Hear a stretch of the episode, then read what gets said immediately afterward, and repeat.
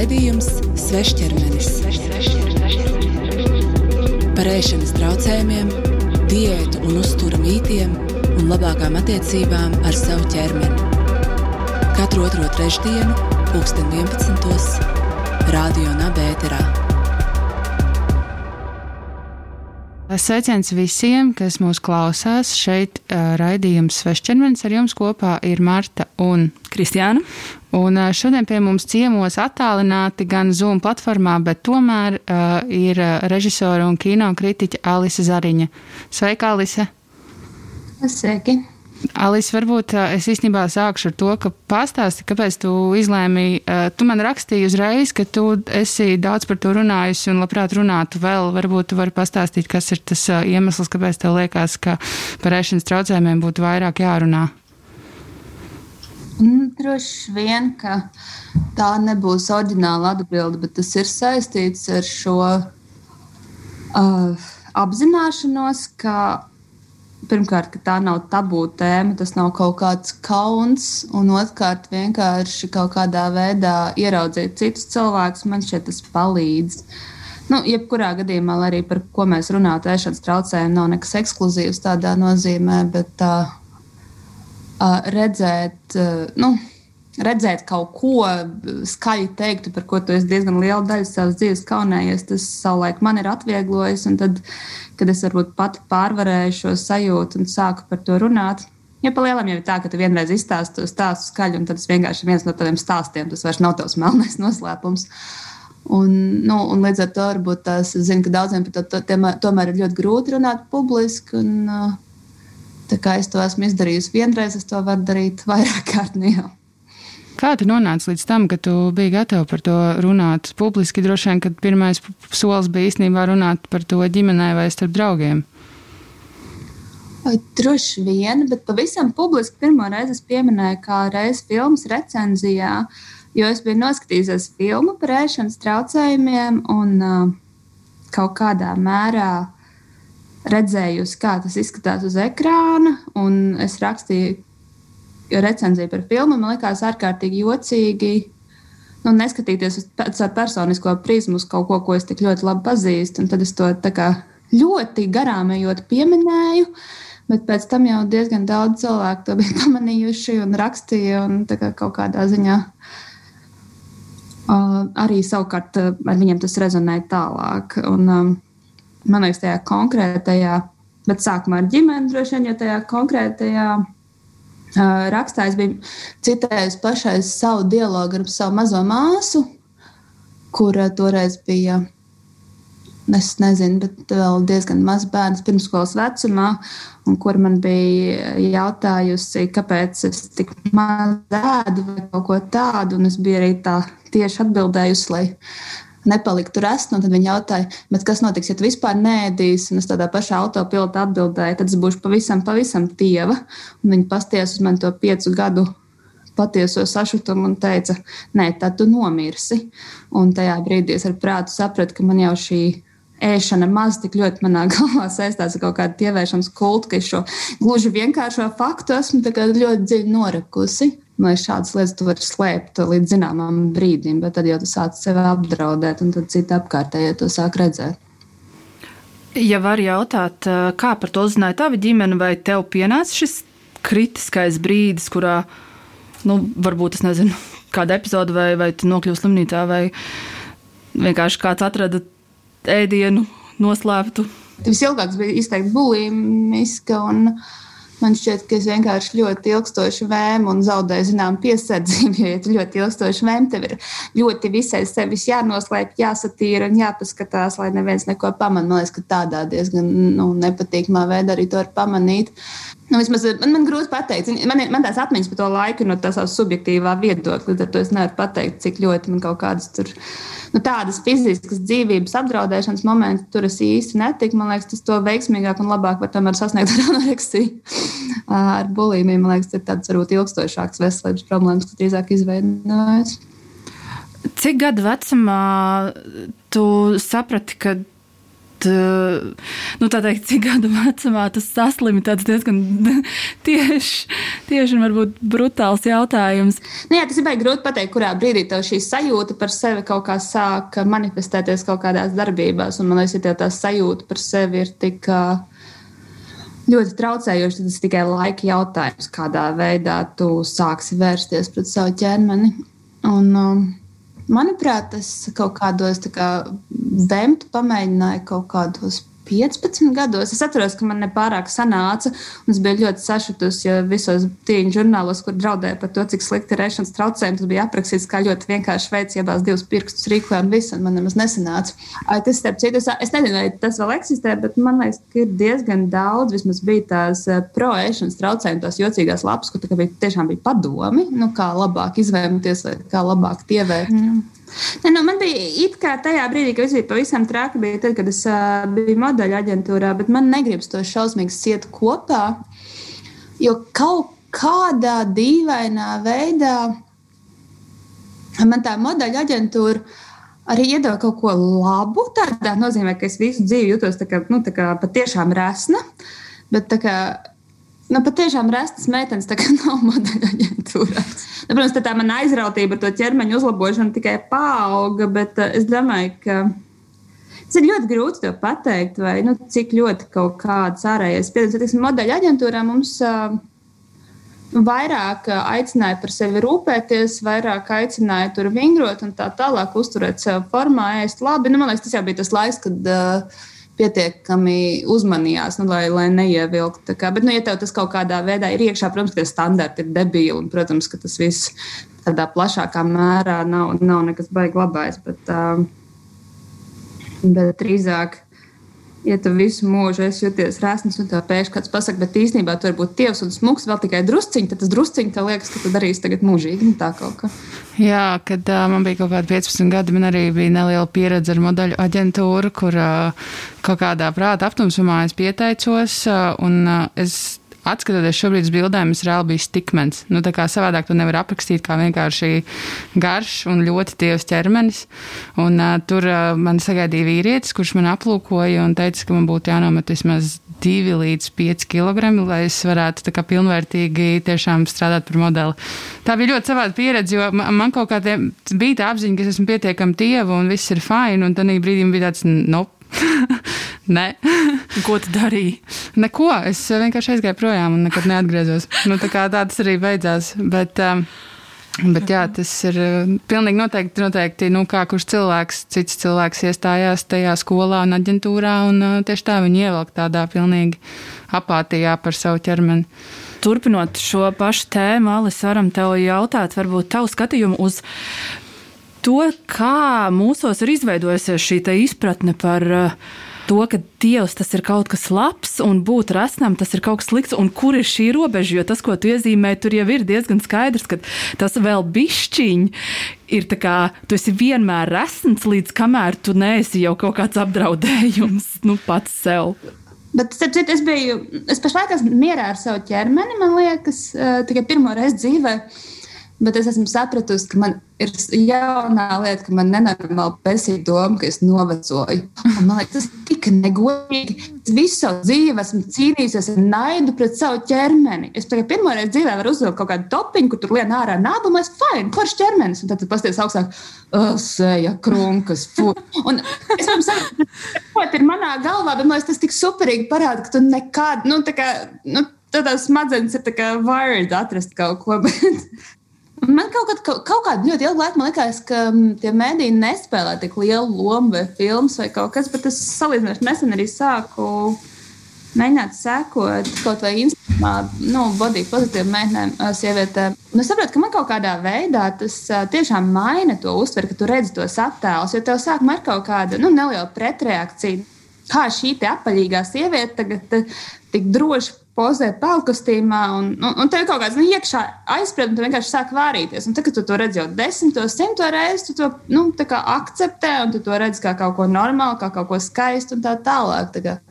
Nu, tas ir tas, ko mēs tā esam saskārušās, ko sauc par reprezentāciju. Vienkārši, jo tev ir vairāk šo iespēju redzēt to dažādību, un tā dažādība nav kā kaut kāds tikai negatīvais piemērs, un, un tu pats to sāc kaut kā caur savu kritisko prātu laist, tad tas ar vienu kļūst nu, normāls un normalizēts. Jo, ja rēķina to, ka mēs tik ilgi esam bijuši tajā kaut kādā filtrā, kur visi ķermeņi, kas tiek mums attēloti, ir kaut kāda viena veida, nu, tur sākot jau ar modeļiem, ja, kur, kur jums ir ļoti tieša pieredze, un kas varbūt, nu, labi, protams, šobrīd arī tās izmaiņas ir kaut kādā mērā notikušas, ka tas nav vairs tas saucamais heroīna šik uh, ķermenis, kas ir ļoti, ļoti tievs, un mēs redzam, ka tā normalizēšana varbūt ienāk arī tādās popkultūras uh, kustībās. Es vakardien lasīju internetā, es biju arī retvītojis, bet man tik ļoti patika tas, ka mm, sieviete bija ietvītojusi, ka vīrieši Es nespēju uzņemt ar sevi labus selfijas, jo viņi nav mācīti būt dekoratīvi. Man liekas, tas ir ļoti skaisti. es domāju, ka, nu, es nedomāju, protams, ka kaut kādā, nē, nu, vienkārši tā salīdzināšana ar kaut ko citu mums ir bijusi iekšā, protams, vienmēr. Un, uh, Bet uzdot, nu, tas viens ir redzēt citus, bet otrs uzdot jautājumus ir ārkārtīgi laikietilpīgi. Nu, tādā ziņā, ka tu nezini, nu, kaut vai tādā nozīmē, nu, ko man vilkt. Nu, vilkšu to, ko velk visi citi. Kā man griezt matus. Nu, tā pati atbilde. Tas ir kā, nu, tev ietaupa laiku, ja tev ir kaut kāda sajūta, kā ir normāli. Bet, nu, protams, tajā brīdī, kad tas normāli kļūst par kaut ko nesasniedzamu, es sāku normāli tev arī čakarēt smadzenes. Bet, uh, jā. Punkts. Jā, es, es, es pilnīgi saprotu jā, par to. Kā, tu uztaisīji tādus kaut kādus tādus departamentiņus, un tas ir tāds tā kā shortcuts. Jā, šis ir forši, šis nav forši, un, un tā atkārtošana tikai pastiprina to, ka tie mazie departamentiņi viņi nekur nepārslēdzās un neizmainās. Jo tas vienkārši ir, tā mūsu smadzenes ir uztaisīts tā, lai tas mums būtu vienkārši. Daudz ko mēs tev iestāstām. Es pieņemsim diezgan ilgi stāstīju cilvēkiem, ka man liekas, ka man tiešām vienkārši ir ērti augstpapēžu kurpēs. Mm -hmm. nu, pff, nevienam nav ērti augstpapēžu kurpēs. Nu jā, tas tajā ziņā kaut kad arī pēdējā, pēdējā laikā. Nu, Arī ar pandēmiju īstenībā kaut kur vienīgais veids, kā atrast kaut kādu komfortu ārpus, no ārpus pasaules, ir pasūtot ēdienu. Un es tiešām esmu pieņēmusies svarā Un vislielākā problēma tajā ir tas, ka ne jau tas, ka es esmu svarā pieņēmusies, bet tas, ka es par to krītu panikā.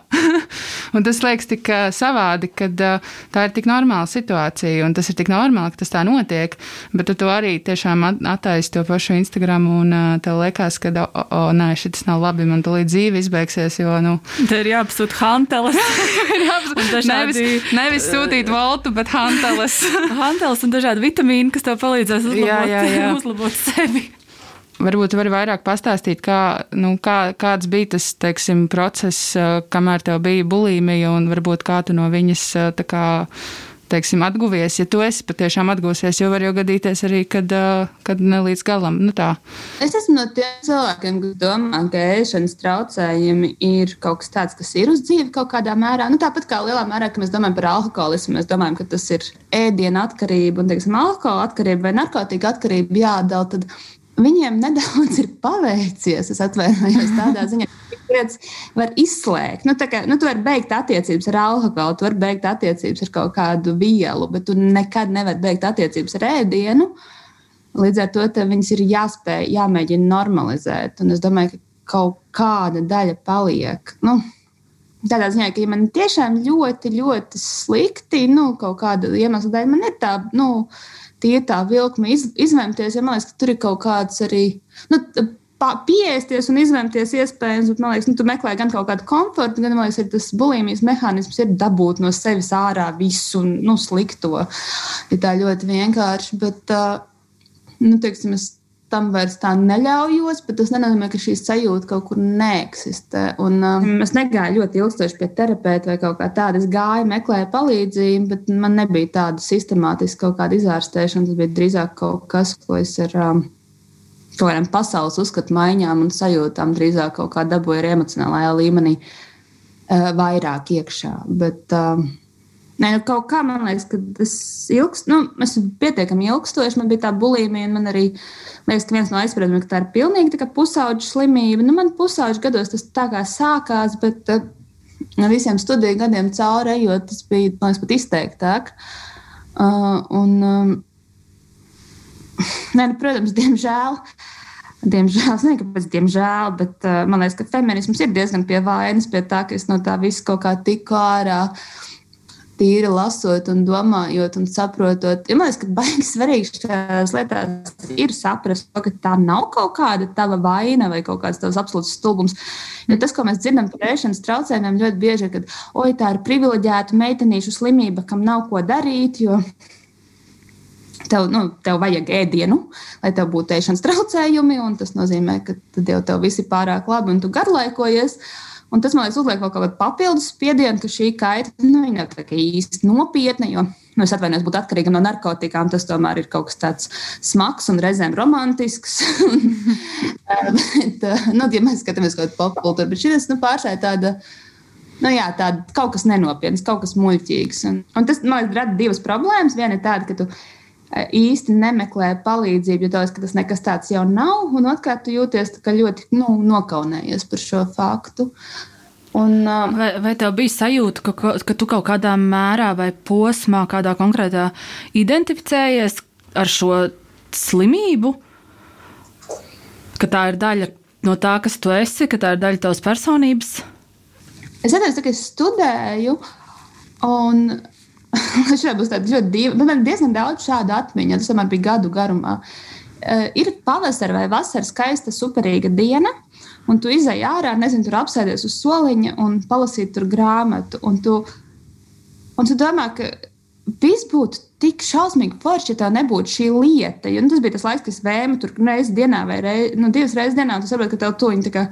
Nu, tas iesitīs, un tu netiksi ar sevi galā vai mocīsies. Un, man drausmīgi vienkārši gribējās. Nu, Zināt, nu, vienkārši būt. Nu, šī, šī būtu perfekta diena, ja ar mani viss būtu kārtībā. Un, ja, nezinu, nu, ja man nebūtu jāizcīna šī mazā cīņa. Un, man liekas, arī šādas sajūtas arī nu, man ir bijušas ļoti bieži par kaut kādiem. Tā neizrādījās taisnība, tā nav. Bet man liekas, ka es nekad nevarēšu iet vakariņās, vai ka es nevarēšu, nu, Ziemassvētku. Jo Ziemassvētku buļbuļsakām ir vai ēšanas traucējumi cilvēkiem, tas ir vienkārši elle. Nu, e, cilvēki tev uzmācas ar saldumiem, ir kaut kādi darba pasākumi, visu laiku ir jāēd, jāēd, jāēd. Un tu, un tu, nu, tā ir nenormāla tā kontrola un vājprāts, un, un, un vēl tas ir publiski. Un, nu, man liekas, nu, kaut kādas šādas lietas, man es drīzāk jūtu, ka nu, man ir kaut kādas li lietas, kas, nu, ka, ka man nebūs vairs pieejas, ka es esmu atņēmusi sev pieeju kaut kādā mērā. Es, es diezgan ātri biju pārliecināta, ka es esmu mazs rasns bērns un man ir maz jāēd. Jautājums, cik, nu, cik ļoti tālu es varu atgriezties vispār atpakaļ. Šis ir Bet, ļoti interesanti. Tu saki, ka tu ļoti agri jau izjūti šādas sajūtas, vai tev ir kaut kāds tā kā. Vai tu vari no, noteikt, kas to radīja? Nu, kā, vai tas bija kaut kādas sarunas ģimenē par ēdienu, vai kaut kas, ko tu redzēji, vai lasīji, vai, nu, jā, vai kaut kas skolā, piemēram? Uh, Es ļoti labi atceros, ne, nu, tur ir vairākas lietas, bet es ļoti labi atceros, ka es kaut kādā pirmajā klasē noklausījos sarunu, kuru nedzirdēju, ka es dzirdu, ka es esmu stipri pieņēmusies svarā. Un, nu, kaut kādi radinieki, bet nu, tas bērns jau nekad nav bijis tievs, bet uh, tagad jau ir rītīgi apaļīgs vai kaut kas tāds. Un es atceros, ka bija vakars, man jau bija jāguļ, bet es to dzirdēju, un uh, es piegāju pie spoguļa. Uh, Un es to ļoti labi atceros, jo es pirms tam nekad uz sevi spogulī nebiju skatījusies kā uz to citu. Nu, tā, kā, līdz, nu, tā bija es, nu, es neuzdevu jautājumu tam spoguļattēlam. Es piegāju pie tā spoguļa un sāku skatīties uz sevi no malas. Un, uh, tas bija tas brīdis, kad es tā ritīgi nu, noprojicēju to tikko dzirdēto frāzi. Un tas bija liekas, tāds sākums lieliskajai spējai projicēt citu teikto savu spoguļattēlu, ar ko man liekas, pēc tam es diezgan ilgi kaut kādā mērā cīnījos. Es, es nekad nebiju, es neesmu bijusi apaļīga, es drīzāk biju gara un varbūt ne super smalka, bet uh, es nevaru atrast uh, nu, fotografiskus pierādījumus tam, ka es, tas arī neko nemainītu, ja es būtu bijusi apaļīga. Bet uh, vairāk ir interesanti skatoties tās bildes, mēģināt ieraudzīt, kā, nu, kā tu spēj sevi tajā spoguļā attēlā tik ļoti nu, slikti redzēt. Kaut gan no otras puses, man vēl ir tādas dienas, kas pietiek pie spoguļa un, un redzu lietas, kuras tur es pat objektīvi nojaušu, ka tur nav, bet nu, viņas mēdz parādīties. Jo es, piemēram, arī nesveros. Es neesmu svērusies kaut kādus um, piecus gadus, tagad kaut kas tāds. Es vienā brīdī, nu, jo tajā brīdī, kad tu tievē, tu, tu kļūsti apsēsts ar tiem svariem un tā tālāk, un ja svari rāda vairāk par 0 kg, tad tas ir slikti. un, Un tad es pieņēmu apzināti lēmumu pie ārstiem. Reizēm tas ir jāskaidro, bet es arī skaidroju. Saku, ne, nu, viņi var nosvērt, viņi var paskatīties. Es vienkārši negribu zināt. Es esmu izdomājis kaut kādu numuru, ko, ciparu, ko es nosaucu, kas man liekas, varbūt tā ir, varbūt tā nav. Nu, kāda starpība. Bet es, nu, es negribu redzēt tos svarus, un es negribu redzēt vai tas cipars manu psihi vēl varētu ietekmēt vai nē. Es varbūt var, gribētu pajautāt vēl par eh, to kaut kādu diagnosticēšanas procesu, jo bieži vien uh, arī atsaucoties uz to, ko tu teici par to, ka tā ir tāda izlepušu meiteņu slimība. Kā tu, piemēram, nokļuvi līdz tam diagnosticēšanas procesam, un vai tavu pieredze ar medicīnas speciālistiem tieši ēšanas traucējumu, tā kā, nu, es nezinu, varbūt pat ne ārstēšanā, bet adresēšanā, kāda tā bija? Briesmīga. Wow. Tur bija viss kaut kas, bet es varu pastāstīt kaut kādus interesantākos, vaiprātīgākos gadījumus. Un, uh, man ļoti patika psihiatrs, pie kura uh, es aizgāju kopā. Nu, man mamma bija sākusi satraukties. Es laikam biju vai nu 17 gadīgi, vai nu tik, tikko 18 gadīgi. Bet, nu, kad es aizgāju kopā ar māmu, tas psihiatrs Tā kā tiešām pateicu šādu tekstu. Bet pasties, cik tev kaulains dibens, tavai mammai ir daudz smukāks dibens. Tu negribi tādu dibenu kā savai mammai labāk. Ak, Dievs! Es nezinu, kā ir tagad. Varā, es ceru, ka mēs esam daudz izglītotāki par šo, bet, uh, kad es gāju īsi pēc vidusskolas, nu, tur bija tāda dāma, kas bija izteikti apaļīga, bet nu, kur bija sapratusi dzīvi atšķirībā no manis, un kur man teica, bet tagad tu esi Nu, kad esi tajā ēšanas traucējuma nu, augstākajā posmā, nu, tev liekas, ka apaļīgi, būt apaļīgam ir sinonīms nu, nezinu, nāvei. Un, uh, un viņa bija apaļīga. Viņa man tā vēsā mierā saka, nē, nu, bet es nesaprotu, kur ir problēma. Nu, nu, reizēm es vienkārši apēdu vairāk, un tad nākamajā dienā es apēdu mazāk. Un es viņu skatos, un es domāju, jā, es redzu, cik šausmīgi. Un tad brīdī tu tikai vēl vairāk nobijies, vai mm. Nu, man, man bija īstenībā es atradu vienu, bet nu, man bija viena laika diezgan forša psiholoģija, man liekas, kaut kādā dīvainā kārtā, nevis terapeita. Es kaut kādu laiku pie viņas gāju, tur viņa kā intensīvāk tiešām strādāja. Viņa bija arī nedaudz specializējusies, bet uh, pat ceļām tur bija ārkārtīgi daudz, un tur arī varēja just no šiem kā, mediķiem šo sajūtu, ka nu, jā, šī nav īsta problēma, mēs tūlīt viņu atrisināsim, pasties uz māmas. jā, bet tas jau ir ļoti izteikti vēl šobrīd tāds valstiska līmeņa jautājums īstenībā par to, vai tie speciālisti ir, kur viņi ir, kam viņi ir pieejami, kā viņi ir pieejami, jo tieši mēs nesen ar Kristiānu rakstījāmies par to, ka es viņai jautāju, nu, tagad ir tā, viss ir norma akcija no ministrijas veselības. Es viņai tieši rakstīju, jautāja, bet paga, vai, tā, nu, vai tas, piemēram, stāsts par anoreksiju patiešām kaut kur tālāk arī noved, teiksim, tas cilvēks, vai viņš var kaut ko apskatīties, vai, vai viņš ir var... kāda valsts programma apmaksāta. Jā, bet nekā nav. kā, cik es saprotu, ka tur vienkārši ir galā krīzes tālruņi vai kaut kas tāds, kas nav. Nu, kā, tas ir ļoti labi, ka tas ir fakts, ka tas eksistē un kad ir vispār tāds krīzes tālrunis pieejams, ir ļoti labi. Bet, nu, kā, tam noteikti būtu jābūt ar kaut kādu padziļinātāku, nopietnu iespēju. Uzreiz vai nu to tev ir jau speciāls saraksts, pie kuriem tu vari vērsties, vai vismaz kaut kāda informācija, kur tu vari vērsties. Un, un tā.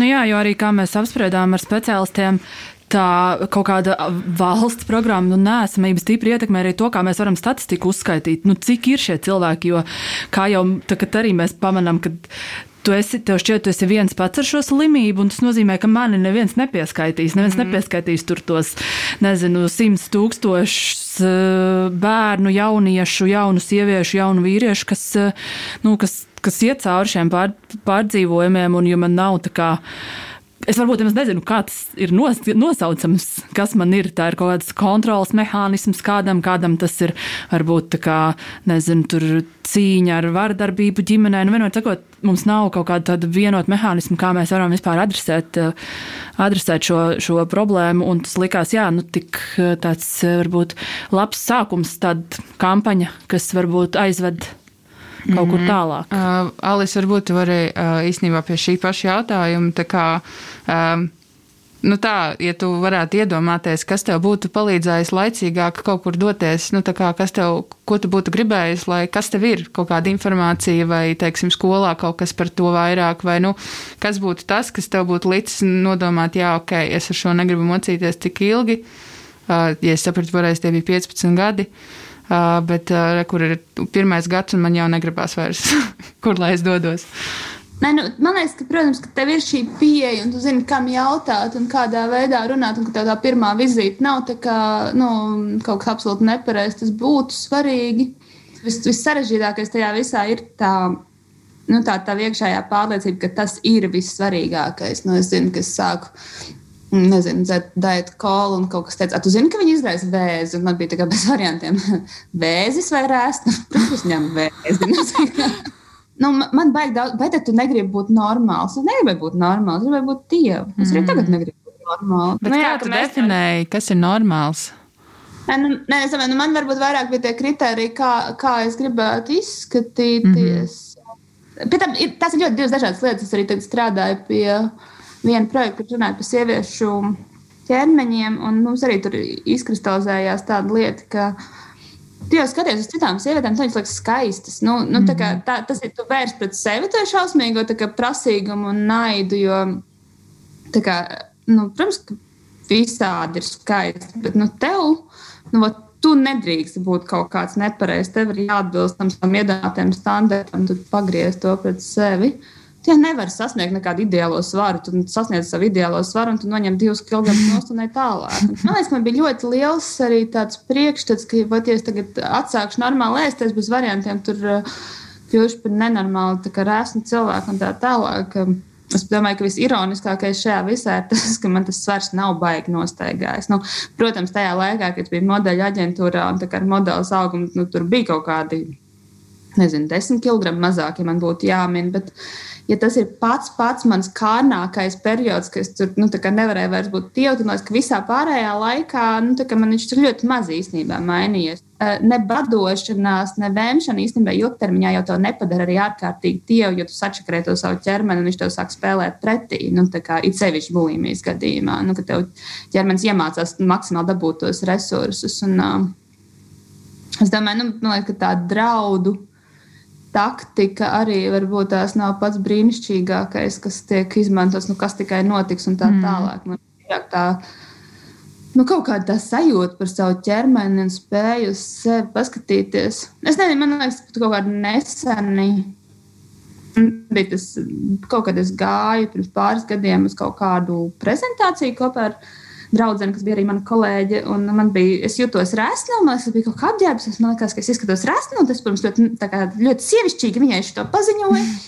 Un tas, ko jādara, nu, draudzē šajā gadījumā ir jāsaka, ak, Dievs, nē, tu neesi resna, ko tu runā. Tas ir standarta teksts. Un viņas man pastājās, un viņi teica, par ko tu runā?